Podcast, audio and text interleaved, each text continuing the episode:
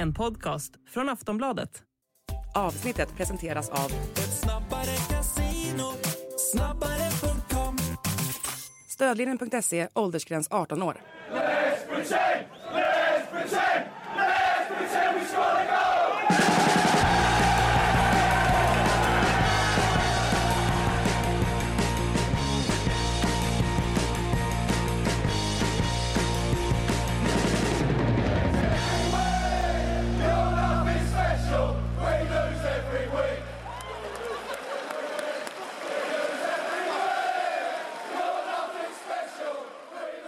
Sportbladets Premier League-podd, eh, måndag morgon, det biter utanför, det är kallt i England också Frida har vi förstått.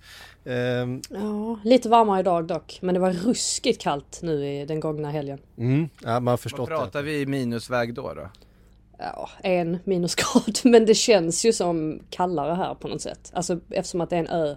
Jag tror att det, det finns en vetenskaplig förklaring till det. Men eh, en minusgrad känns typ som åtta minusgrader i Sverige. Det är som Japan, det är samma sak. Plus två där så fryser det mer än vad det gör på minus 20 här. Ja, det är, eh, man blev glad över Pep Guardiola i den där gamla Arsène Wenger-rocken. Eh, eh, dunkappan eh, som eh, han visserligen hanterade, lyckades, den var knäppt hela, hela matchen, eh, till skillnad från Wengers då, för er som kommer ihåg den. Eh, mycket, mycket drama, mycket mål framförallt, inte minst igår Frida, vi får väl börja eh, i eh, Manchester, matchen mellan Manchester City och Tottenham, kändes på förhand, det har så här, ja, alltså den där backlinjen, den där taktiken, det här kommer bli 10-0 till Manchester City. Men eh, Ange fortsätter att få rätt. Han får rätt match efter match efter match. Han håller vid, sin, vid sina principer, vid sin filosofi och han får resultaten med sig. Det är som att de vandrar på världens slakaste lina, eh, den där Fast rätt match efter match, de har ju förlorat tre i rad. Jo, jag vet. Jo, men, visst, jo, men, men, men, men de har, visst, de har förlorat, men de har gjort det liksom med flaggan i topp. Det är inte så att, det har, att systemet på något sätt har svikit dem under ehm, Ja, kanske mot Aston Villa, men jag tyckte de var bättre i den matchen också. Wolves. Ehm, jag vet inte. Jag, jag- jag ser, inga, ser ingen anledning även i den här matchen att, att tvivla på Arns eh, inställning till, eh, till fotboll. 3-3 slutade, det är klart att Manchester City var det bättre laget. De kunde ha gjort massa mål. Erling Haaland missade två riktigt klara målchanser. Ehm, de hade bollar i stolpen och så vidare. Men 3-3 och eh, poäng för, eh, för Tottenham och tredje raka krysset då för Manchester City, Frida. Sen gör han ju faktiskt eh, Ange då. Han gör ju ett rätt så pragmatiskt byte efter halvtid när han plockar av Hill för att han kände ju att Hill vägde alldeles för lätt mot Man Citys försvarare och så satte han in Höjbjerg istället vilket gjorde att Kulusevski tog klivet ut på kanten.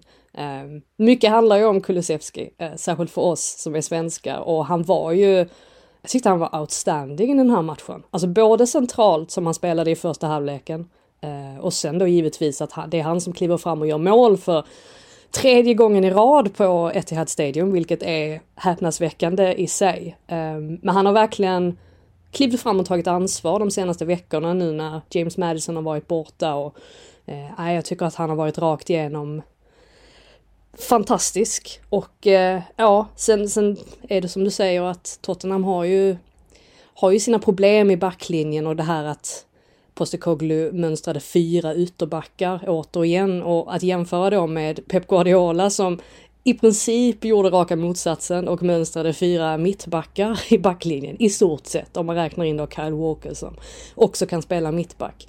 Så att där såg man ju på något sätt skillnaden att den här höga backlinjen som Tottenham hade mot Chelsea som ändå som ändå fungerade rätt så länge i den matchen. Det var ju för att de var så himla disciplinerade eh, och fokuserade, att de höll den här linjen intakt.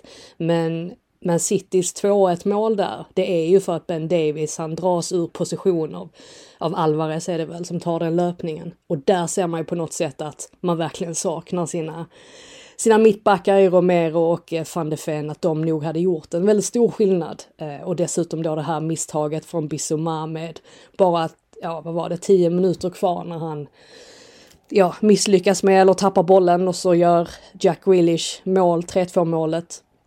Så att sådana grejer som där man ser att, att Tottenham inte är helt hundraprocentiga men riktigt starkt att eh, komma tillbaka får man säga. Ja, så det, det har ju varit väldigt spännande, nu var du inne på Kulusevski förut, men just honom i den här centrala rollen. Uh, ur ett landslagsperspektiv tänker man ju lite att det där kanske faktiskt är en ganska bra position att utnyttja honom beroende på att han som förbundskapten också, även om det kanske är ändå James Madison som kommer ha den positionen väl när Madison är tillbaka med tanke på hur bra han var innan skadan.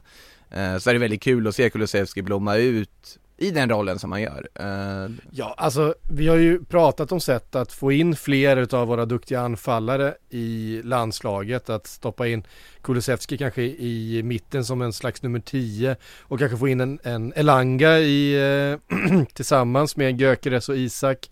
Hade inte varit helt fel, jag tycker Elanga ser eh, riktigt, riktigt bra ut för Nottingham Forest. Um, och det finns ju fler, det är ju offensivt som vi har våra spelare just nu så att om Kulusevski kan verkligen visa, vilket han har visat nu två matcher i rad, att han, eh, att han passar och är, bra i den där centrala rollen. Ehm, så är ju det ett, ett jättefint alternativ. Och det hade ju aldrig funkat med Janne som förbundskapten eftersom den centrala rollen hade varit alldeles för defensiv. Mm. Ehm, men i en eh, lite mer offensivt system så hade det definitivt kunnat funka. För de som tycker man ska växla ut Emil Forsberg, vilket i och för sig inte jag egentligen tycker än, men då hade ju Kulusevski kunnat axla en sån playmaker-roll ganska bra. Uh, uppenbarligen. Han är mer lämpad att spela 10 än vad Zlatan var under Hamrén i alla fall. Ja men alltså om vi, om vi ska komma in på landslaget så måste vi ju eh, växla ut Emil Forsberg förr eller senare. Ja. Han kommer ju vara 36 eller något sånt där när vi möjligtvis spelar eh, liksom vår nästa eh, tävlingsmatch på riktigt igen, om man säger så.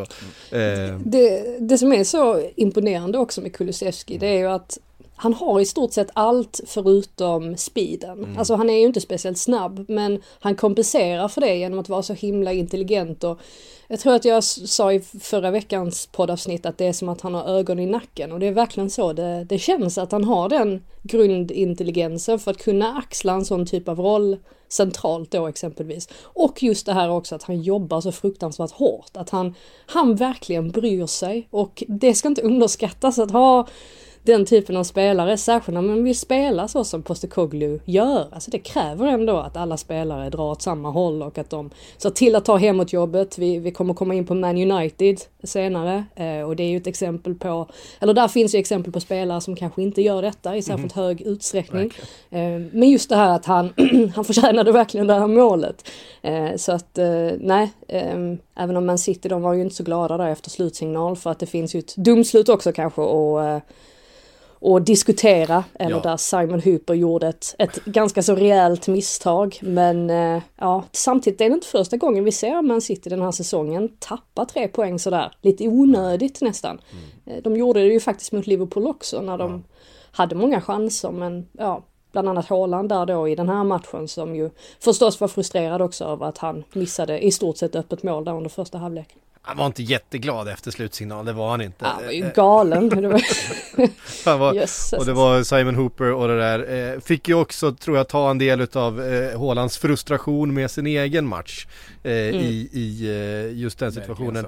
Vi kan komma till den situationen, jag måste bara säga, säga en sak till om det Kulusevski. Just det målet han gör, det som avgör, det är ju inte det man tänker med Dejan Kulusevski, att han är liksom... Eh, och gör han Christian Benteke Eh, mål, LeBron mål... James är det ju han gör. Är det, är det LeBron James det där? Jag, jag, basket har ingen koll på. Ja, det är ju därifrån det kommer ja, för jag, har sett, jag har bara sett Benteke, alltså det, var, det, hade varit, det, hade varit, det hade varit så otroligt roligt om han, om han gjorde en Benteke, för att det var ett sånt Benteke-mål liksom. Han var, han var störst och starkast i boxen och bara så här tryckte in det där, det där är NBA från början, jag är ledsen att ah, fan också. du hade en vision. Han är väl ett stort basketfan också va? Han följer väl NBA? Ja, det är han säkert. Minns helt fel. Eh, bevisligen skulle jag säga utifrån den målgesten. Eh, ja, men kan man jag vet inte om han har plockat det från Benteke. ja, det, hade, det, det, hade varit, det hade varit, ja men det hade varit otroligt roligt.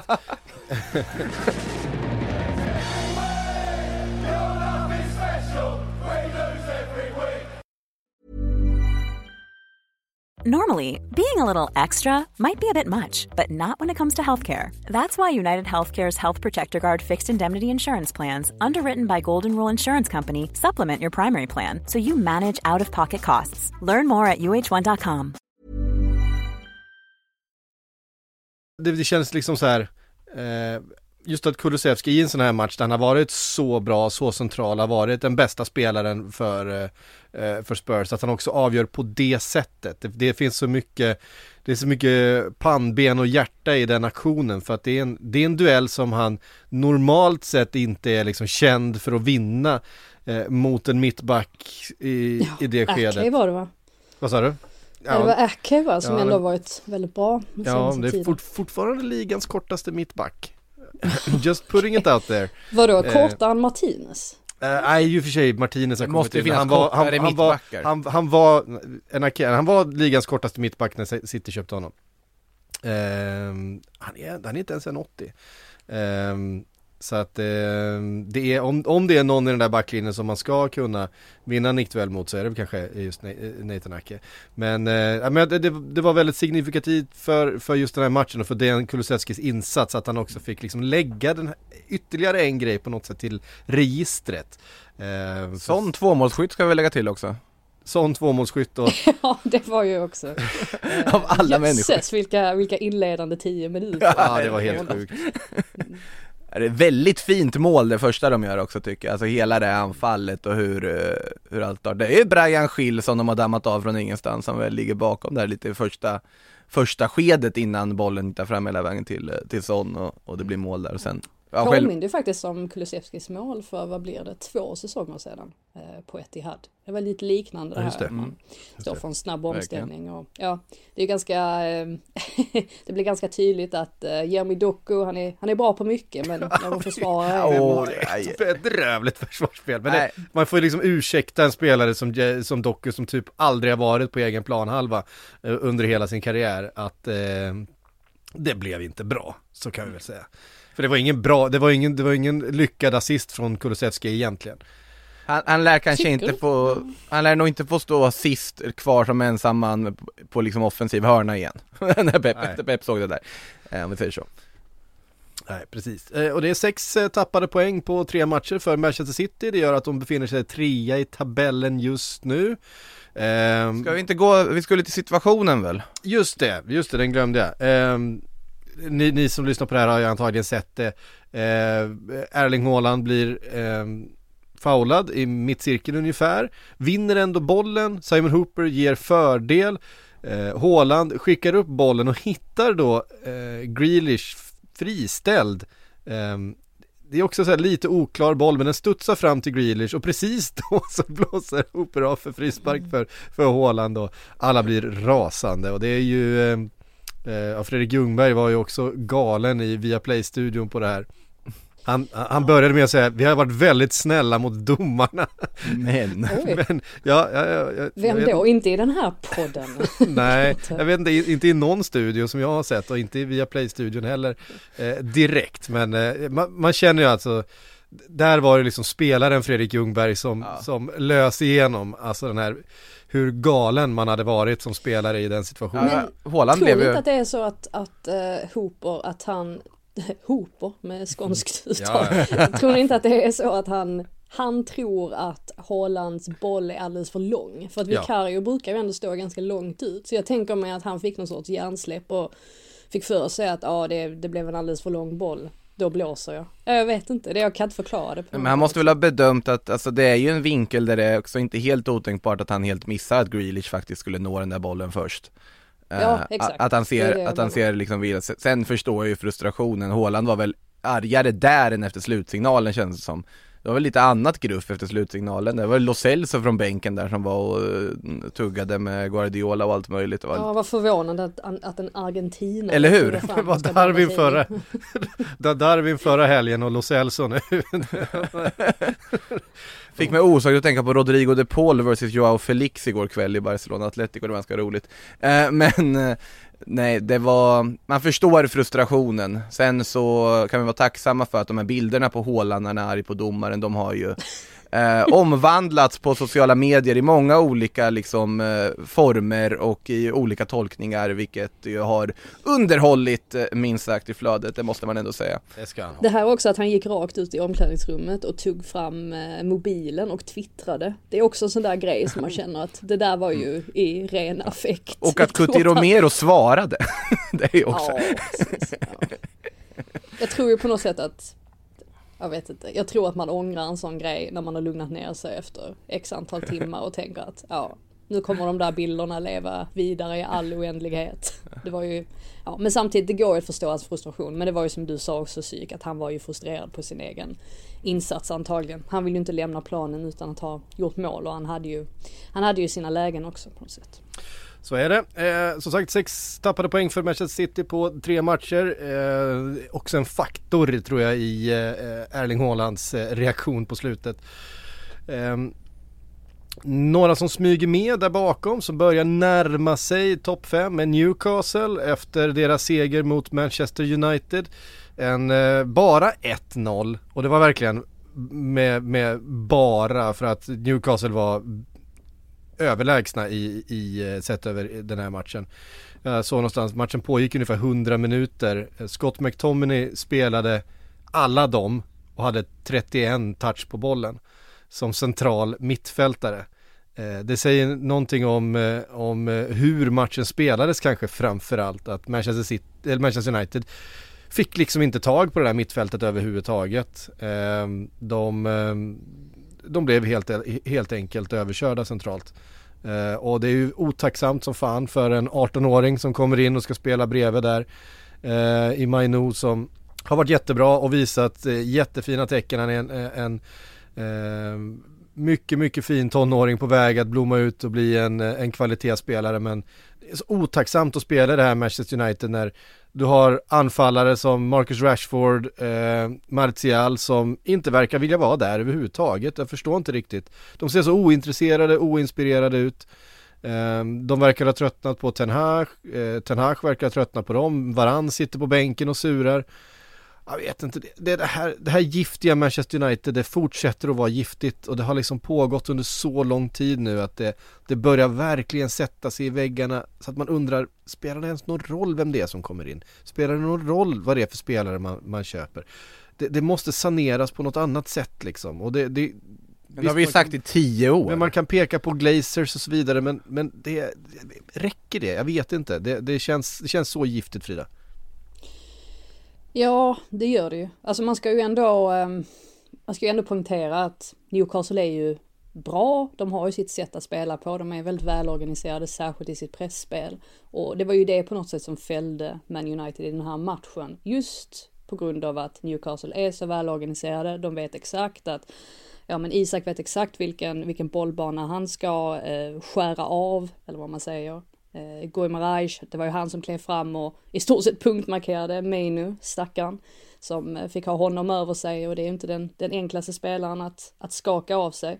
Så att på något sätt så satte ju Newcastle, de satte ju direkt sin prägel där och sen så har de den där höga intensiteten och snabba spelare som på något sätt kan, kan göra det där jobbet också. Men som Man United så måste man ju då på något sätt, man måste försöka lösa det här problemet. Jag, jag, mina tankar drogs faktiskt till Man Uniteds möte med Brighton på Old Trafford där man United var väldigt bra de inledande, vad var det, 25 minuterna kanske. Fram tills då Brighton bestämde sig för att göra en förändring och det var ju att eh, Louis Dunk och den andra mittbacken ställde sig helt enkelt, eh, det var väl van Hecke va, som ställde sig brett istället. Vilket mm. gjorde att då kunde inte Man Uniteds pressspel fungera så väl som det hade gjort fram tills dess för att på något sätt så blev det, ställ, när de ställde sig så brett så det blev fel i själva positioneringen för att den som då var central mittfältare kunde inte kliva upp så högt på den som än stod, ja, uppe på kanten. Så att det gjorde på något sätt att Brighton kunde spela sig igenom. Och man satt lite grann och väntade på att Man United skulle testa någonting annat för att få bukt med det här, men det hände aldrig. Och jag vet inte om det är så att, för att det ska sägas att det är svårt att få ut instruktioner som det här. Jag är övertygad om att Ten Hag såg detta omedelbart, han också, och alla hans assisterande tränare. Men det blir på något sätt ganska uppenbart att de här spelarna, Man United-spelarna då, jag vet inte om de har svårt att ta instruktioner eller om de helt enkelt inte vill göra som man säger för att jag menar det kan inte ha varit meningen att det skulle se ut så här. Det kan inte ha varit meningen att Rashford skulle låta Livermento bara löpa sönder honom fullständigt där under, särskilt under första halvleken. Efter paus så tyckte jag det märktes att Rashford hade blivit tillsagd att jobba, jobba hemåt betydligt oftare. Men då var det på något sätt för sent och så kommer det här målet och sen ja, händer ingenting förrän det är tio minuter kvar. Så att, hade, hade någon annan tränare kunnat göra skillnad? Jag, jag vet inte vid det här laget. Jag tycker att det är ett, ett attitydproblem hos spelarna också. Och ehm, ja, det är mycket möjligt att de har tappat respekt för Ten Hag och sättet som han har lett det här laget på. Det är ju en, det är en sak i sig, men ja, det är ju helt klart så att det är, det är ganska många problem där bakom kulisserna. I alla fall är det djupgående problem som ju måste lösas innan man på något sätt kan ta nästa steg i den här utvecklingen. Alltså de, det är ju ett problem att de aldrig räcker till mot de bra lagen. Det är, det är väl två år de inte har vunnit mot, vad är det, topp 8 på bortaplan eller något sånt. Han fick mm. väl någon fråga om 2021. Ja, han fick ju någon fråga om det. Så jag väntar på att ni ska ställa den här frågan, sa ju den här också, för ni letar ju upp sånt här, ungefär så. Eh, så han var ju också väl medveten om just det faktum att de, de har svårt mot bättre motstånd. Det har vi sett hela den här säsongen, inte bara på bortaplan utan så fort det är högkvalitativt motstånd av den kalibern som man kan vänta sig att Manchester United ska vara på, då räcker de inte till. Absolut, de räcker till i väldigt många andra matcher, de tar sina uddamålssegrar mycket baserat på liksom individuell briljans och den kvalitet som ändå finns i den här truppen. Men som lag funkar de inte så fort de möter riktigt bra motstånd. Eh, och det är ju alarmerande, att de är så pass långt ifrån att vara där de borde vara på så vis. De kan ju vara bra i perioder, jag bara tänker på Man City-matchen. Absolut. Där var de ju faktiskt rätt, de var ju ändå med i matchen under första halvleken, men sen är det som mm. att allting bara fejdar bort. De hänger inte med på när en sån motståndare då växlar upp eller lägger i en annan växel och, och hittar någonting annat, då är de väldigt svårt att svara på det. Mm.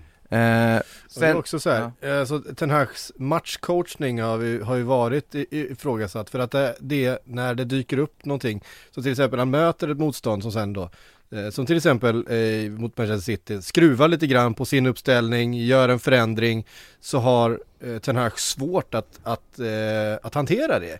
Ehm, att, att i sin tur skruva om det för att, för att på något sätt spelarna inte är riktigt så påslagna. Ja, men, eh, om man får spela sitt spel, ja, men det man har jobbat på kanske, det man har, det man har eh, förberett sig för inför matchen. Ja, men det kan funka ganska bra. Vi har de här styrkorna.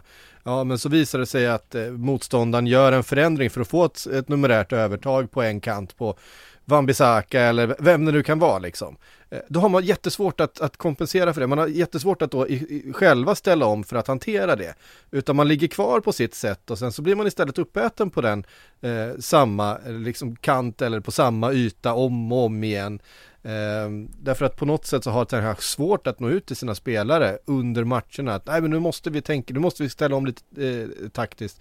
Och, ehm, och bytena som kommer in, inte den bredaste truppen med de skadorna som, ha, som man har haft. Det har varit svårt att göra förändringar med dem. Eh, eh, om man får slänga in en Sofian Amrabat kanske på en, på en position där han normalt sett inte spelar, ja, men då är det svårt att få eh, taktisk cohesion liksom eh, i laget. Och det blir lappa, fixa, hoppas att det liksom någon individuell eh, prestation ska, ska eh, lösa upp någon knut, att det ska eh, Bruno Fernandes ska, ska hitta ett eh, skott från distans eller, eh, eller göra någonting annat liksom briljant som han ju kan såklart. Ja, och vi kan ju det, prata hur mycket som helst också om de strukturella problemen som mm. Man United har, men någonstans så handlar det ju, eller jag känner det att nästan alla tränare som man har intervjuat genom åren, de menar ju på att visst, formation är viktigt och sådär, men det handlar helt klart främst om spelarnas inställning och attityd ja. om de köper det här. Och det ser man ju verkligen med Newcastle. De har ju på något sätt den här, alltså den här underdog-mentaliteten där de känner att hela världen är emot dem och att de ska bevisa sig i varje match. Sen vinner de inte alla matcher, det är inte det jag säger. Men att de med den skadelistan som de har ändå kan kliva ut och fortsätta leverera det här. Det tycker jag är väldigt imponerande och särskilt då att det är spelare som Anthony Gordon, som Eddie Howe tidigt identifierade som den här killen, han kommer bli riktigt bra, plockade de in honom. Livramento, han har klivit in och fyllt hålet där efter Dan Burn. Mm. Jag menar det är ju ändå imponerande i sig att de lyckas liksom pricka rätt med sina värvningar så. Det har vi pratat mycket om med Man United att de inte riktigt har gjort det. Eh, så någonstans så, så känner man lite så här med vad, vad vill de här Man United-spelarna? Alltså titta på Marcus Rashford som, ja, som, man förstår inte riktigt för jag såg honom i England för ett par veckor sedan och då var han ändå, gjorde han ändå bra prestation i den matchen. Så att jag vet inte riktigt om det handlar om att, alltså är det någonting som skaver i Man United? Alltså någonting är det som pågår för att man kan inte göra en sån loj insats. Det är nästan som att han inte har något självförtroende överhuvudtaget. Det fanns ju ett tillfälle där under första halvleken när Mino var det väl som slog en boll i djupled mot honom. Och då gjorde han, ju, han ju faktiskt bra, han löpte på den bollen, fick väl in inspelet också som var hyfsat bra. Jag tror det var Trippier som rensade undan den in i straffområdet. Men det är nästan som att när han får tänka för mycket, då, då funkar det inte. Och det är ju signifikativt för en spelare som har noll självförtroende. Eh, och det är ju oroväckande. Men det är, det är också lite av ett moment 22 för United, för alltså om man jämför med just Newcastle som frodas i en underdog-roll. Alltså United mår ju genuint dåligt av att anses vara underdog, de kan inte hantera den rollen uppenbarligen i år.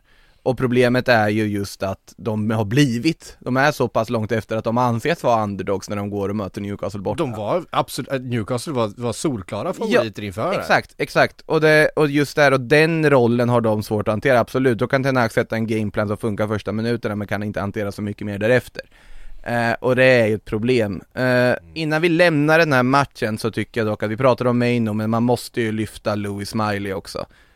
17 eh, år, får, blir inkastad på grund av skadeproblemen och ser ju liksom helt självklar ut uh, i den där rollen han gör. Det, det är lättare att komma in som 17-åring i ett sånt fungerande system, ja, uh, men uh, likväl. Ja. ja. Det var så effektivt för honom också för att eller egentligen för hela Newcastle eftersom att de tvingade Man United att gå långt hela tiden. Mm. Och då stod han där och bara sög in bollen och sen så kunde de anfalla. Så att nej, jag håller med. Jag tycker också han har sett, sett väldigt mogen ut i sina mm. prestationer. Så att Newcastle har ju haft tur på det sättet för att som sagt, många skador, nu Nick Pope mm. också, såg Precis. illa ut. Mm. Det var det jag skulle komma till, att eh, det såg ut som eventuellt en sträckning på magmuskel, något sånt där. Nej, eh, det var väl axeln va? Var det axeln? Jag tyckte han ja, tog sig om magen. Överkroppsskada. Uh, han, axeln var ur led. Va, axeln var ur led, ja. det, är, det, är en, det, är en, det, är en, skada jag är väl, väl bekant med. Uh, nej, men Ändå gissar du magmuskeln. Ja men det såg, ut, det såg ut som man höll sig på magen när han gick ut. Jag har inte läst någonting om det. Han har ju varit med, han har väl opererat axeln till och med en gång tidigare. Så det är väl möjligtvis ja. då en gammal skada som han har slagit upp tyvärr. Precis, ja, jag, jag opererade ju en sån axel i, i våras ja. Eh, när jag ja. var borta härifrån. Kan du ringa och ge lite efter... tips kanske? Gör det. Ja, det finns en, finns en bra klinik på vid Liljeholmen. um, uh, nej men det, det, är ju hopplöst med, eh, med hoppande axlar och som målvakt är det ju uh, Ja de är extra stort behov ju, av fungerande axlar. Det är, ju en, det är ju en skada, om det, om det är så att det är en ny luxation som eventuellt behöver opereras, då pratar vi ju månader. Eh, för att så lång tid tar det att bygga upp. Eh, där, när jag gjorde det, han, han, han som opererade mig där är eh, idrottsläkare åt bland annat handbollslandslaget och varit åt eh, ett par olika allsvenska föreningar och sådär. Och, och, han sa att på den operationen jag gjorde, då hade det varit sex månader rehab innan jag hade börjat gå tillbaka till full träning om jag hade sysslat med elitidrott. Eh, så vi får hoppas att det inte är så pass allvarligt på, på Nick Pope den här gången, för i så fall så är ju i stort sett säsongen över. Har du börjat kasta diskar igen? Ja men det var vänstern vet du, eh, högern, högern är det inget fel på. Vänstern var den trasiga så att eh, eh, det var jag igång med rätt snabbt.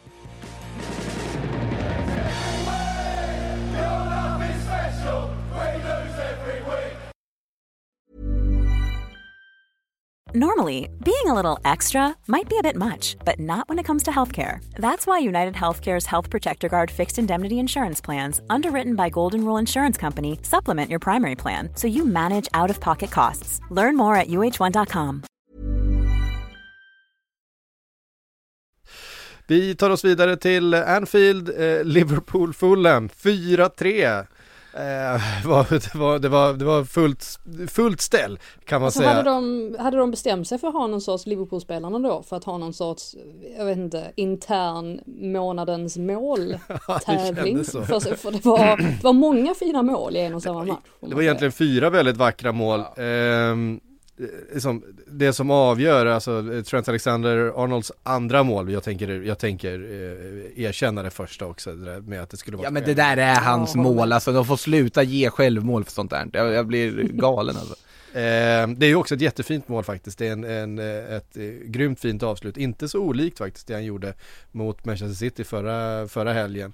Eh, hittar en lucka och, och bara trycker den med, med eh, ackuratess in till eh, ena stolpen. Mitt favoritmål är nog McAllisters tror jag. Ja, det, det, jag tror herregud vad hårt det var. Alltså bara liksom ladda på där på den där halvvolleyn och sen flyger Ja. in, ja det där är så här, ett så kallat bustermål. Ja. Eh, sen är givetvis mitt favoritmål här är ju Wataruendos, eh, självklart, Ja, men det snyggaste var ju McAllister. Ja, och Wataruendos mål är ju jätte, alltså tre utav fyra mål går verkligen i, i krysset, i samma kryss. Ehm, vi, har, vi har identifierat hans svaghet, Bernt Leno. Drömmål. Full, full brist väl- i krysset. Där. Sen har vi väl identifierat uh, Kellehes svagheter också. Kanske. Ja, jo, tydligt absolut. Han får ta på sig något av de där målen, eh, helt klart det. Och det är ju också tufft och man märker också att backlinjen är inte riktigt lika trygg med eh, hur man kan spela när det är Callaher som står där istället för, jag menar, eh, Allison är verkligen en av världens absolut bästa målvakter. Eh, inte minst då på de här en mot en situationerna där han ju är otroligt svår att ta sig förbi och det vet ju backlinjen. De vet att de spelar lite grann på att de har Allison där bak, han är duktig med fötterna. Eh, han, är, han är bra på i stort sett allting. När Kelleher står där, de vet, ja men det är en duktig, det är en duktig målvakt på många sätt. Han gör en jättefin räddning i slutet på första där det faktiskt kunnat bli 3-1 till, eh, ja det blir 3-1 men så offside på returen. Eh, ska se, jo, det var Nej, det var tre där 3-2, ja det var något, det, var, det blev mål i alla fall för Fulham som, som dömdes bort. Ja. Men där, där han gör en, Ring, en, sup, ja, en superräddning. Eh, och det där vet man ju att han kan, men man syns också att backlinjen inte litar på, på eh, Quiven lika mycket som de gör på, på Allison. Eh, och det, Han kastade in 2-2 i egen kasse också, kan man- eller ja, snubbla in 2-2 eller vad man ska säga där på övertid i eh, På tal om det här vi pratade om också med Arteta, att han liksom är Mm. lite hård mot Ramsdale. Här hade ju Klopp, han har ju hyllat eh, Kelleher jättemycket. I Mm. veckan, alltså nu i veckan och eftersom, han, eftersom att han visste att han behövde honom i den här matchen. Ja. Men det fungerade ju inte speciellt väl i alla fall. Ja, det är den här gyllene, gyllene liksom mittenvägen som tränare uppenbarligen behöver gå, inte tokhylla sin målvakt för mycket, inte psykologiskt bryta ner dem utan liksom bara hålla, hålla det på en rimlig nivå. jag är ändå rätt övertygad om att det är Kyle Harry och inte Adrian som kommer stå eh, mot Sheffield United på onsdag. Uh, Kyle Ja, Harry, ja, ja. Är det, det, det, det är tydligt, eh, menar, han är ändå irländsk eh, landslagsmålvakt eh, och så vidare. Det är, en, det är en duktig målvakt men det är inte Allison. Och eh, Det är inte Shay Given heller, så är det. Nej, precis. Eh, så är det, men, men ja, Sen är det ju strångt av Fulham också får man säga att hänga med Verkligen. i den här matchen så länge. Eh, Ja. Det är ju tufft att åka till Anfield. Det är en sån klyscha. eh, Men det är ju faktiskt så. Och sen är det ju också helt ofattbart hur Liverpool så himla ofta lyckas vända den här typen av matcher. Eh, ja. En styrka i sig men det är ju ändå, ja, intressant. Och vi har ju varit inne på det att en av Liverpools absolut största styrkor den här säsongen är ju bredden offensivt. Att behöver man jaga ett mål eh, mot, ett, eh, mot ett på pappret och sämre lag som har sliter hårt och som har sprungit mycket. Ja men då kan man slänga in en Cody Gakpo som är fantastiskt bra på, i slutet på den här matchen. Man kan slänga in en Wataruendo som kommer in och gör ett jättefint mål. Eh, Visst, Diogo Jota skadad just nu, men, men det är ju en av de största och det är ju en, verkligen en stor förklaring till varför eh, man har lyckats vända. Jag menar, ta matchen mot eh, Newcastle till exempel, eh, där man slänger in en Darwin Nunez Eh, med liksom, som bara sprutar av energi verkligen, eh, mot ett liksom ganska trött kört Newcastle och han kommer in och gör två mål och vänder den matchen. Det där, det där är en av eh, Liverpools absolut största styrkor. Alltså hur många ramträffar har han nu? Alltså det, det, det är helt sanslöst tycker jag också, den här ribbträffen som Darwin har i den här matchen också. Att det, alla hans skott på något sätt eh, magnetiskt drar sig mot ramen snarare än liksom, eller utan. Är det, Sen är han ju fantastiskt bra i den här matchen också. Han ja men det är ju varje, det är ju varje match som man, som man Ja. lyckas på något sätt ändå bränna de här lägena som man får med, med liksom marginalerna mot sig. Eh, sen vill jag bara nämna eh, Trent Alexander-Arnold här som jag tycker är bäst på plan eh, i den här matchen. Förutom att han gör två mål så när Klopp i eh, andra halvlek då sätter in Joe Gomez på högerbacken och, och på riktigt flyttar in eh, Alexander Arnold i eh, på mittfältet. Eh, inte bara den här hybridpositionen så ser man ju att alltså, den där högerfoten den skapar så mycket och den sårar motståndarna hela tiden. Han kan slå eh, de, här, de här linjeskärande passningarna. Han slår ut en lagdel varenda gång han får bollen vid fötterna. Eh, det kommer vara svårt tror jag för Klopp att hålla honom borta från en ren mittfältsroll om han fortsätter spela på det här sättet för att eh, jag tycker Joe Gomez är en, en, eh, en helt okej okay, eh, ytterback offensivt, defensivt en duktig ytterback, men han är ju en mittback i, i grunden. Han har ju ett mycket bättre duellspel och så vidare än vad Alexander Arnold har till exempel. Eh, så kanske finns det en, eh, en, en balans eh, där, eh, där Joe Gomez faktiskt spelar mer eh, högerback och Trent flyttar in centralt för att eh, han öppnar upp så väldigt mycket med sitt spel och, och den här, alltså att han kan komma på de här andra vågs löpningarna och få skottlägen i precis den här zonen som han nu gjort mål både mot, mot Manchester City och mot Fulham. Eh, det är, det är ju den här eh, Frank Lampard-ytan Eh, att komma i den där löpningen och få, fiska upp den typen av bollar, där är han ju hyperfarlig. Um... Ja, och oavsett så är det ju, det är ju värt att ha honom på plan, alltså även om han är högerback. Jag tycker dessutom ja. att hans defensiv har blivit bättre den här säsongen. Mm. Det var framförallt några exempel i Man City-matchen där jag ändå tyckte att han gjorde det bra, Verkligen. särskilt mot Håland som ju är alltså, en av de absolut svåraste i världen att, att ställas mot. Eh, och det Alexander Arnold har, det är ju framförallt att han han är ju så mycket bättre än alla andra, alltså precis som du är inne på där, alltså mm. sättet han behandlar bollen på. Det finns ju ett annat exempel i den här matchen, Anthony Robinson som var bra i den här matchen, mm. men som jag vanligtvis tycker är alldeles för undermålig defensivt för att han egentligen ska platsa i, i Fulham. Men han är bra offensivt, så att man förstår varför Marcus Silva, Marcus Silva, Marcus Silva, varför han spelar honom. Sen samtidigt tycker jag inte att han är så, han är inte så pass bra offensivt som Alexander Arnold är. Så att man ser där också att han är på något sätt i en egen liga. Och jag håller med, jag tycker också han har varit, varit väldigt bra den senaste tiden. Mm. Och sen igen då, van Dijk. Det, var, det, det fanns en situation där när, när eh, det stod 4-3 precis i slutet och eh, Leno skickar väl upp, jag tror det är Leno som skickar upp en utspark. Det är Liverpool haft en fast situation, en hörna eller någonting. Så det är ganska mycket folk nere hos eh, Leno fortfarande. Han skickar upp den här utsparken högt upp. Van Dijk nickar alltså den bollen, han tar den rätt på pannan från egen planhalva så att det blir nickduell i, tillbaks i straffområdet hos, hos Leno. Att ha, att ha den killen längst bak där med, med den fysiska powern. Det, det, det, det såg helt sinnessjukt ut. Man är så här, okej, okay, jag vill inte kliva in i just den nickduellen där när han kommer med den farten. Um, det spelar också stor roll att ha en, en, en van Dijk tillbaks i, i uh, den här storebrorsformen som man har. Uh, vidare till Stamford Bridge, Frida. Uh, Chelsea. Ja, nu börjar det väl kanske röra lite på sig. Lite mål i alla fall. Enzo Fernandes med två, sina två första. Um, och viktigt för, för Pochettino att eh, lossna mot ett tufft motstånd ju eh, i Brighton. Det blev lite mer spännande kanske än vad det borde varit eh, precis i slutet när Brighton fick in 3-2 där. Men, men eh, fram tills dess kändes som en hyfsat stabil eh, seger för, för Chelsea. Ja, jag kunde inte bestämma mig för om jag tyckte den här matchen var bra eller dålig. Jag landade i att slutet var bra i alla fall. Mm. Eh, Chelsea, när Conor Gallagher drar på sig sitt andra gula kort, vilket ju, ja, i sig är sensationellt på ett sätt att Chelsea får två av sina lagkaptener utvisade två veckor i rad. Eh, mm. Det säger någonting om någonting i alla fall. Där tänkte man ju att här kommer The Shabby gå för det och att han kommer göra ett par byten i halvtid så att det kommer bli en, eh, ja, en sen förändring till andra halvleken. Men det gjorde han inte och jag tycker att han går bort sig lite faktiskt i, i den här matchen. Och framförallt då eftersom att han gör det här Ja, han byter ju fyra spelare, vad var det, i 57 minuten eller någonting sånt. Och jag tyckte nästan att det, det fick dem lite ur balans, Brighton, snarare än gjorde dem gott där. Och det här 3-1 målet kommer ju också ett par minuter efter det och det är ju Milner som då försöker hinna ikapp Mudryk, vilket eh, inte är det lättaste eh, stackaren, eh, när man eh, är så pass, eh, ja, han är rutinerad men han börjar ju bli till åren och kan inte riktigt hänga med de här ungdomarna.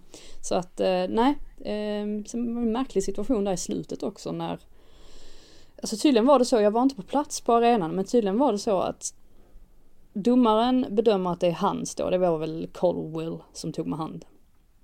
Och då pekar han lite så här lojt så att de tillresta supportrarna då, Brighton-fansen, de ser inte att han pekar mot straffpunkten. Så när den här VAR-skylten kommer upp, då tror de att oj, varummet har sett att det är hans och nu ska han springa ut och kolla på sin monitor och, och ge den straffen då. Och så de fattar inte, alltså när, när han sen då, eh, liksom, när, när han springer ut till monitorn då, då jublar de. Och sen så visar han då och indikerar att han hade rätt och då jublar de ännu mer. Men sen var det ju ingen straff och sen fick de inte ens hörna heller så det var ett märkligt, märkligt avslut på matchen. Men ja, en, en tung seger för Chelsea om inte annat. Nej men alltså för de, de fick, just det, de, de skulle ju haft en hörna annars. Där. Ja precis, Alltså- och det blev, blev, allting blev väldigt konstigt. Men det var ju tur samtidigt att, att VAR klev in för att det var ju inte, det var ju inte straff. Men, men pek, pekade han då på att det Ja, skulle... han pekade, han, det var ju han som dömde straff från första början, domaren. Och det var inte han VAR-rummet som peka klev in. inspark? Nej, han pekade på straffpunkten. Ja, nej. Och, och då fattade ju inte bort, bortasupportrarna fattade ju ingenting. Man kan ju inte peka så lojt, då får man ju vara. Man får ju peka Ja, men ordentligt. det är det jag menar. Ja. vad, vad har hänt med, med Mike Dean? Att, att springa och peka samtidigt.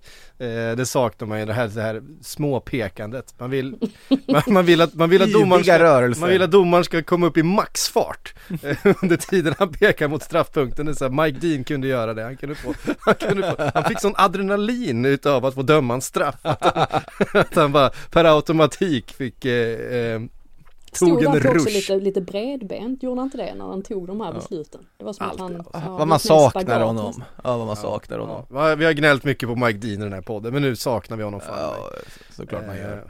Eh, Otroligt.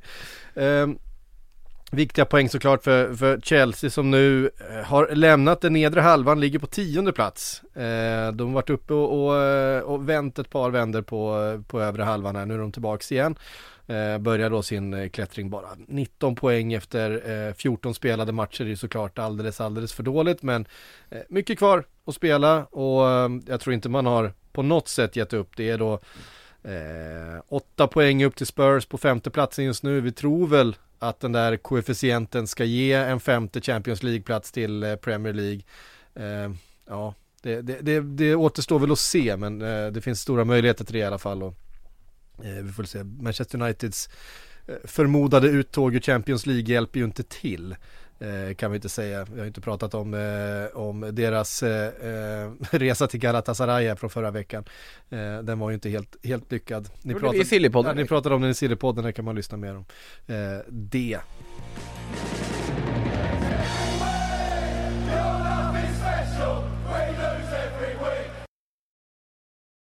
Vi tar oss vidare till eh, Arsenal Wolverhampton. Arsenal eh, i ensam ledning nu uppe i toppen. Två poäng före Liverpool på 33 poäng på 14 matcher eh, har Arsenal.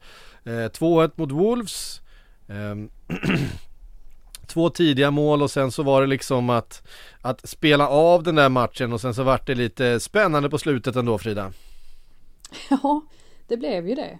Ehm, Men ja, jag tycker ju framförallt första halvleken är, är jättebra från Arsenals sida. De här målen de gör är ju väldigt, det är väldigt mycket Arsenal över de målen. Särskilt Martin Ödegårds som, ja, när han hamnar i den positionen då vet man att det blir mål på något sätt. Och man har efterlyst det här att försöka komma fram till vad, vad är skillnaden med det här Arsenal jämfört med förra säsongen. Så det har på något sätt varit att de här spelarna som verkligen är alltså, världsklass, ultimata världsklasspelare som Ödegård och Jesus. Vi har inte riktigt sett dem på den nivån den senaste tiden och det beror givetvis på att de har varit skadade. Men i den, i den här matchen så tyckte jag verkligen att man såg det.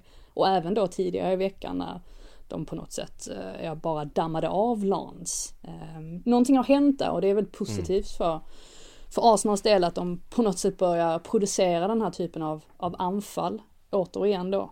Eh, och sen då givetvis så blir det ju precis som du säger, det blir spännande på slutet men de Ja, de, de lyckas härda ut i alla fall och eh, nu ser det ju oförskämt bra ut med tanke på att man City då tappade poäng så att eh, ja, tre poäng före där och sen två poäng före Liverpool som ju också är med i det här titelracet. Eh, Mm. Det är knappt man vet hur det gick till med tanke på att det ofta känns som att de har eh, de har knipit tre poäng ja, i sista möjliga sekund men det är kul att vi har ett, ett riktigt titelrace här i alla fall, det får man säga. Ja, verkligen. Nu när vi kliver in i den här intensiva perioden och sen så får vi ett litet, eh, ett litet vinterbreak ju. Ehm, för första, är det första gången som, ja förra säsongen var ju lite speciell då med VM och så vidare. Eh, men nu har man ju infört ett litet vinterbreak eh, för, för lagen i, i Premier League. Det är man ju inte van vid men Ska också spela på julafton i år. ska ju också spela på julafton. Mm. Eh, ja, men julperioden är ju Redan alltid eh, det kan jag förstå. givetvis. Är inget bättre att- sätt att fira jul på än att eh, Kolla Wolves-Chelsea nu, det kan inte jag komma på i alla fall. Sen är ju juldagen mer jul än julda- julafton just i, i, i England. Eh, Ja, de precis som i firar ju USA. inte den 24. Nej. Nej, den, eh, det är liksom lite... Det är ju mest att alltså, tåg och sånt eh, Mm. är ju inte helt tillförlitliga och de slutar gå väldigt tidigt också Mm. på julafton. Så att det var ju det man var orolig för i det fallet med eh, och det här om skulle man kunna hitta personal till den 24. Eh, Det var sådana saker som man var orolig för men ja, Chelseas ehm, bussar, jag tror till och med att klubben står för bussarna eller för transporten dit och de mm, sålde slut direkt. Så att eh, intresset var stort i alla fall. Yes. Eh, Burnley, Sheffield United 5-0 Frida. Verkar ha kostat Häckingbottom eh, jobbet. Ja, det ser ut så. Det har ju inte sparkats en enda tränare den här Ja, det är säsongen. faktiskt- det är helt sanslöst. sjukt i sig. Eh, Vi brukar om ligga någonstans runt till- 4-5 vid det här eh, skedet på säsongen. Precis, det, ja, det såg helt annorlunda ut förra säsongen. Men vi har ju varit inne på det lite också att det har troligtvis att göra med att de här nykomlingarna inte har varit speciellt starka, vilket har gjort att det har inte det har inte blivit eh, så mycket press på övriga lag eftersom de då kanske har legat lite högre upp i, i tabellen. Eh, men nej, eh, Häckingbottom, han har gjort sitt nu, verkar det som enligt The Athletic då. Eh, 0-5 mot Burnley också som är en bottenkonkurrent. Det känns ju inte jättekonstigt ändå att, att ledningen har fått nog. Men samtidigt så kan man ändå känna med Häckingbottom för att jag menar Sheffield United hade ett starkare lag förra säsongen när de spelade i Championship. Så jag förstår inte riktigt vad de förväntade sig eh, skulle hända. Men eh, nej, det är möjligt att någon annan kan komma in och på något sätt ge dem en sorts bounce. Men ja, jag har svårt att se att det kommer bli så himla mycket bättre. Det ryktas ju om Chris Wilder tillbaka. Tillbaks. Eh, Det är väl inte väl ryktats om osannolikt. det i sex månader att, han, skulle, att han skulle komma tillbaka. Men det verkar ju som att spelarna ändå har stått, stått bakom Häckingbottom och att det faktiskt var de som såg till att han inte blev sparkad efter den här Newcastle-matchen till exempel som ju var ett, ett fullständigt haveri på hemmaplan. Eh, vad slutade? 0-8 någonting sånt. Jag var där men jag minns inte. Ehm, men ja, det... ehm, nej, det... vad- ska han, ja. Han, är, han var ju faktiskt inte en av dem. Han är ingen jättebra, eller jag ser inte honom som en av de bättre tränarna i Premier League, absolut inte. Men eh, ja, vi får väl se vad Chris Wilder, om det blir honom, vad han då kan åstadkomma. Det, det är i alla fall om det skulle bli Wilder en signal på att de inte har tänkt att eh, gå ut och spendera stort på marknaden för att rädda kontraktet i vinter i alla fall. Att då är det bara att försöka göra det bästa de kan med det material de har. Eh, jag håller med om att det är en väldigt otacksam alltså, uppgift han har haft här. Eh, sen var det väl lite känslan inför den här matchen att det är laget som förlorar kommer tränaren sitta löst hos. Även om kompani haft ett väldigt stort förtroendekapital Frågan är om de hade förlorat hemma mot eh, Sheffield United i det här läget hade han verkligen suttit helt säkert då. Nu gör han ju det efter att de verkligen tog den här 5-0 segern och fick eh, total ketchup-effekt framåt och, och öste in mål och eh, gav sig själva bättre möjligheter att hålla sig kvar framme. Hjälper också när man gör mål efter 15 sekunder. Ja så är det ju. Eh, Det, ja. det är en bra start. Inte illa av Jay Rodriguez. Nej. Han eh, håller igång igen fortfarande, börjat komma igång ju. J. Rodriguez. Ehm, tänk om han kom, kunde hitta tillbaks till den här gamla Southampton-formen han hade under Pochettino när han slog igenom. Då var han ju riktigt, riktigt fin. Firma, firma Rodriguez Lalana där under eh, den säsongen. Den var, eh, den var otrolig. Ehm, vi eh, tar oss vidare till eh, Nottingham Forest, Everton 0-1 här var ingen, ingen skön fotboll Frida. Herregud. Tyckte du inte det? det var, alltså det var, det, det, det, ja, jag vet inte, det var ganska högt tempo eh, stundtals men det var ju ingen som kunde hantera det på planen. Utan det var bara, det var ju felpassningskavalkad under första. Eh, sen så tröttnade Sean Dyche och sa nu, nu, nu slutar vi passa bollen killar och sen så skickar vi upp den och, och hoppas på det bästa och det gick ju bra. 65% slutade Everton på passnings.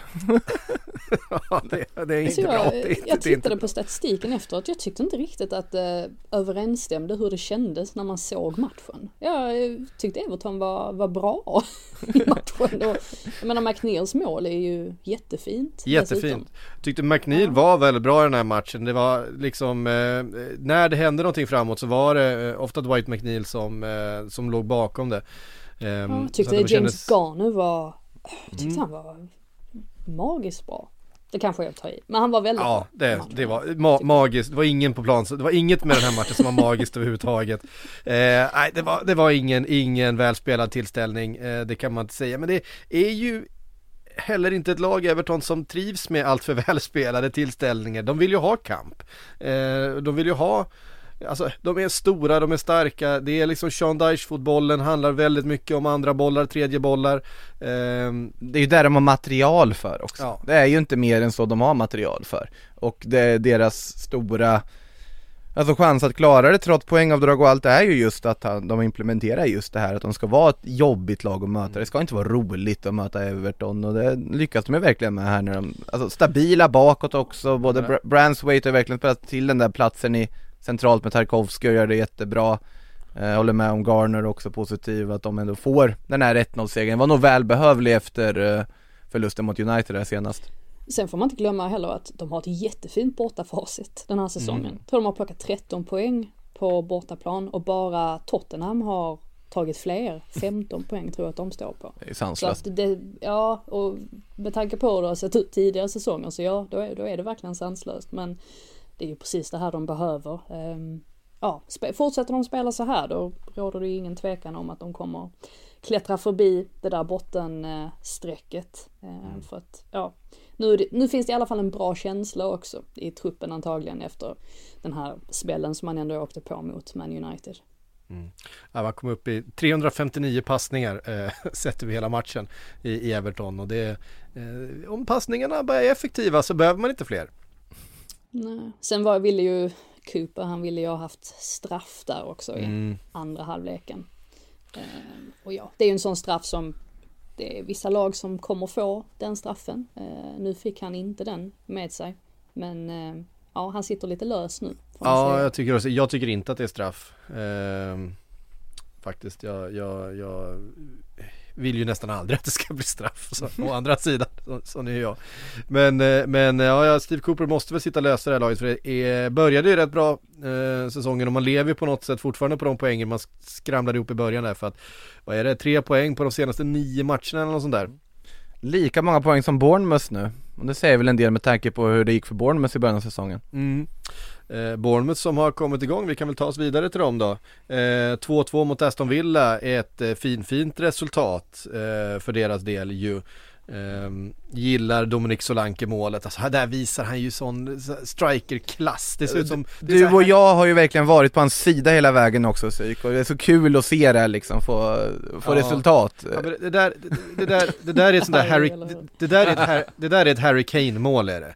Eh, han har bestämt sig redan, redan när bollen kommer så har han bestämt sig exakt vad det är han ska göra. Tar en touch och sen så sitter den inte i stolpen. Det är, behöver inte, det ser inte svårt ut men det är svårt att, att genomföra. Jät- jättefint mål faktiskt, det tycker Eh, jag också. Eh, nej, men jag tycker verkligen det, det är sådär, det där är Harry Kanes liksom adelsmärke verkligen. Eh, han vet precis vad han ska göra. Eh, försvararen vet eventuellt vad han ska göra också men, men eh, utförandet är så pass bra och gjort med, sån, med sånt eh, vad heter det, sånt tempo, sån speed eh, och sån eh, ackuratess att det, det går liksom inte att försvara. Jätte, jättefint. Så här är vi alltså i adventtider 2023 där Patrik Syk jämför Dominic Solanke med Harry Kane. Hade du kunnat tänka dig det Frida?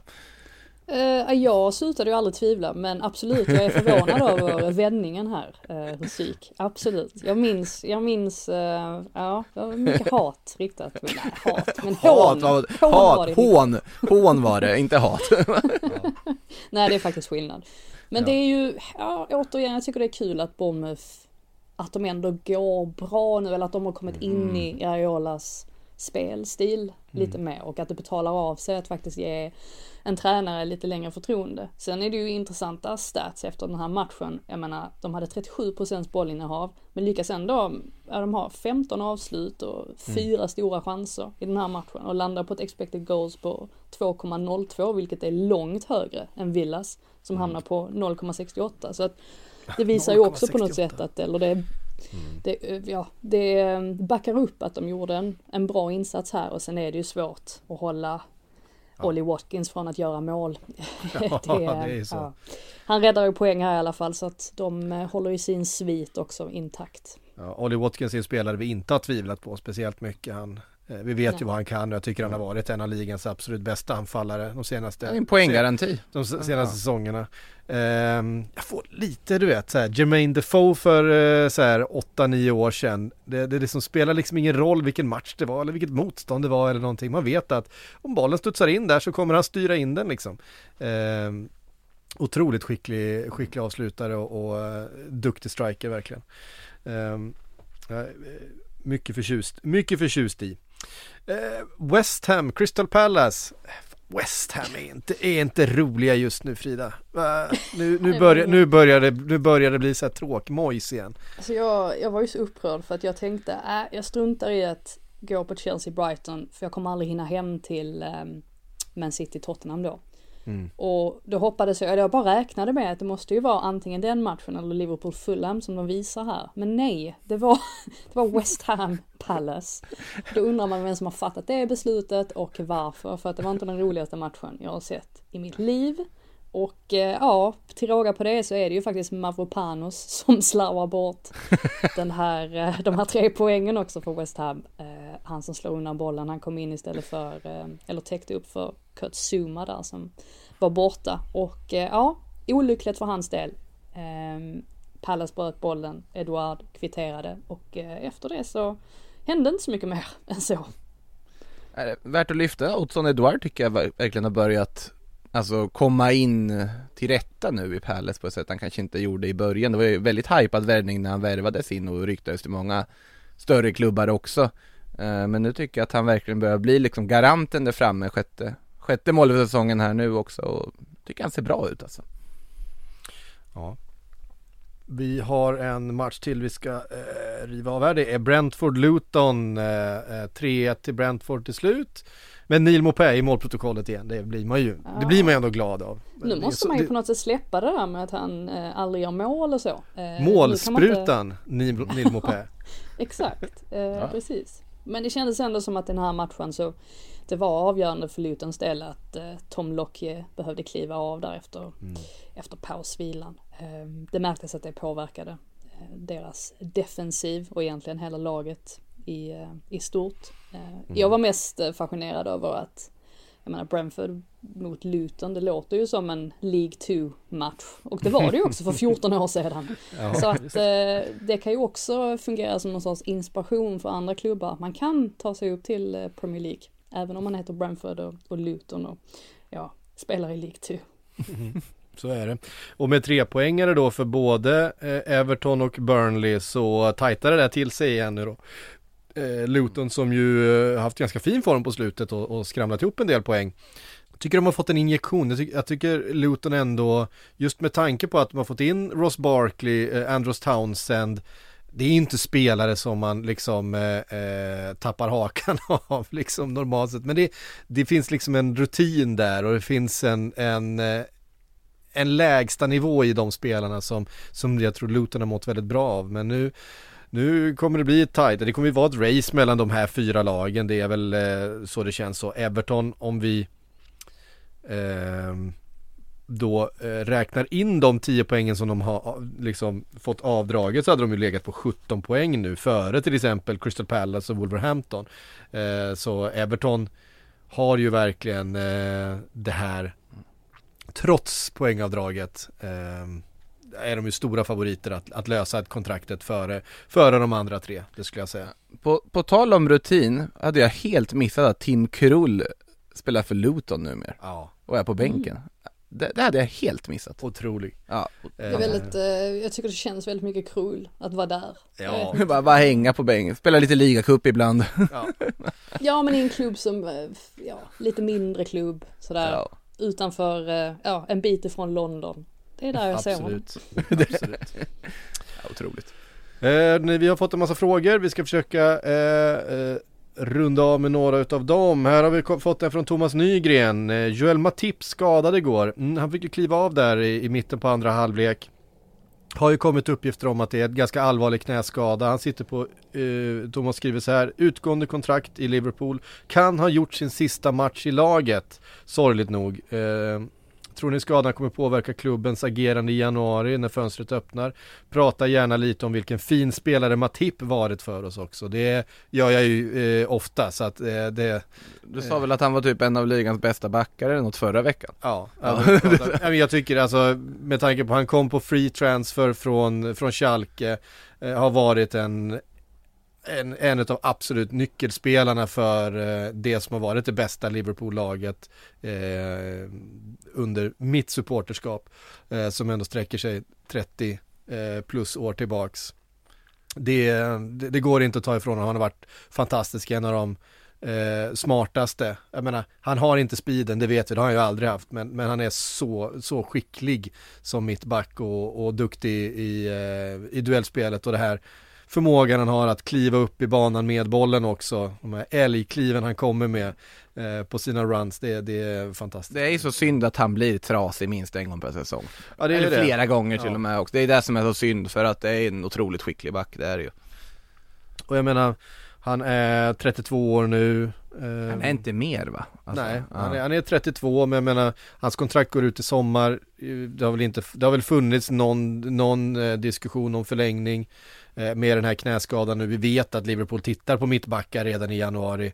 Eh, det, gjorde man ändå eh, redan före den här skadan så att nu det finns väl allt, alltså desto mer incitament att, att genomföra de affärerna eller den affären eller vad det nu är som man har planerat för. Så jag tror absolut att det, det påverkar dem men det är inte så att man kommer scouta nya spelare. Jag tror bara att det skyndar på den processen man redan har inlett med att värva en, en till mittback. Eh, sen har ju Gerald Kwanza kommit in också men han är ju mer till vänster eh, där van Dijk normalt sett spelar. Eh, nu är det Konate som heller inte är helt tillförlitlig när det kommer till skador som, eh, som spelar till höger. Möjligtvis måste man titta på en till eh, högerfotad mittback, jag vet inte. Vi eh, ehm, går vidare eh, till Danne som undrar Har Spurs årets fulaste bortaställ? Nej, jag tyckte det var jättefint. jag, satt, jag satt ju och tänkte att eh, oh, den där eh, dimlila färgen gillar jag skarpt. Du, du väljer att se det som dimlila snarare än blekbrunt. Ja, Ja, det precis. gör jag. Men det är kanske, jag vet inte, är det jag som är färgblind kanske? Men eh, jag bara tänker mig att de ska spela i lite lila-aktigt. Och då eh, Ja, tyckte jag att det såg kanske det lite är lila dimmigt ut. Jag Men tror... jag har fått höra att jag gullar för mycket med Tottenham den här säsongen så att jag får Alltså. tillbaka det.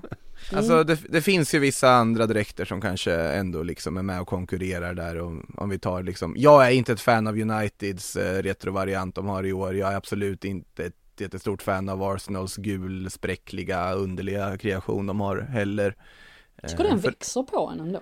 Att jag, tyck, jag, ja. alltså jag tyckte den var bättre först när jag såg den, jag tycker den har blivit sämre Jaha. med tiden eh, Åt andra hållet, men eh, så, så skadade väl jag, eh, liksom i fashion sense så att säga Nej men eh, absolut finns, finns värre dräkter tycker jag Ja, ni vet, jag, jag uttalar mig i, ogärna när det kommer till, till Mm. mode och utseende. Jag har, inte, eh, jag, har, jag har inte höjd i mig själv för det, men generellt så tycker jag ju att alla fotbollströjor Vad är det för band du har idag på din tröja där? Eh, idag är det Hellripper. Eh, den är fin. Men eh, så om, någon, om något Premier League-lag vill spela med Hellripper t-shirts nästa säsong då, då, kommer jag, då kommer jag börja kommentera eh, matchtröjor. West Hams Iron Maiden tröjor, det håller inte för dig Vad sa du? West Hams Iron Maiden-tröjor. Det, det är okej, eh, det, det, det kan jag också leva med. Eller Barsas Rolling Stones, ja. Eh, Gustav Fransson vill eh, prata mer om Spurs, Är det, eh, Spurs ligans kaoslag. Det känns som det händer något varje match de spelar. Ja, de har ju varit inblandade i alla de galnaste matcherna. Eh, Inte Alltså alla. Che- Chelsea ska in i den mixen också. ja, så man, Chelsea City var ju också en jävla kaosmatch. Eh, Ja men alltså Chelsea är den klubb jag känner mest att man vet verkligen inte vad man kommer få när man ska sitta och titta på Chelsea. Det kan vara precis vad som helst. Eh, så att eh, man vill sällan missa en Chelsea-match nu för tiden. Det, bjuds alltid på underhållning om det så är positiv eller negativ bemärkelse för Chelseas del då. Hörde ni, där har ni det. Eh, Sportbladets Premier League-podd, klart för den här gången. Silverpodd på torsdag igen, va Makoto? Ja, kan vara läge att prata lite Midweek då kanske också. Med Ja, just det. på att eh, det spelas lite fotboll under de kommande dagarna. Mm. Och sen så är det full omgång eh, till helgen igen då. Eh, vilka är det nu som spelar den tidiga lördagsmatchen? Nej just det, det är Liverpool igen. Eh, eh, det är roligt. Eh, Crystal Palace eh, borta då. Eh, sånt är det med det. Kanske du ska dit Frida? Ja, blir det Sellers Park till, till, på lördag? Um vad, gud alltså det är för mycket, för mycket matcher. Ja det blir det kanske. jag, är- jag är så inställd på Tottenham Newcastle där på söndag. Så vi Just får, det. vi får se. Det Det blir, det blir en höjdare, det blir det verkligen. Hörde ni, eh, vi pratar mer om det om en vecka igen. Vi hörs då.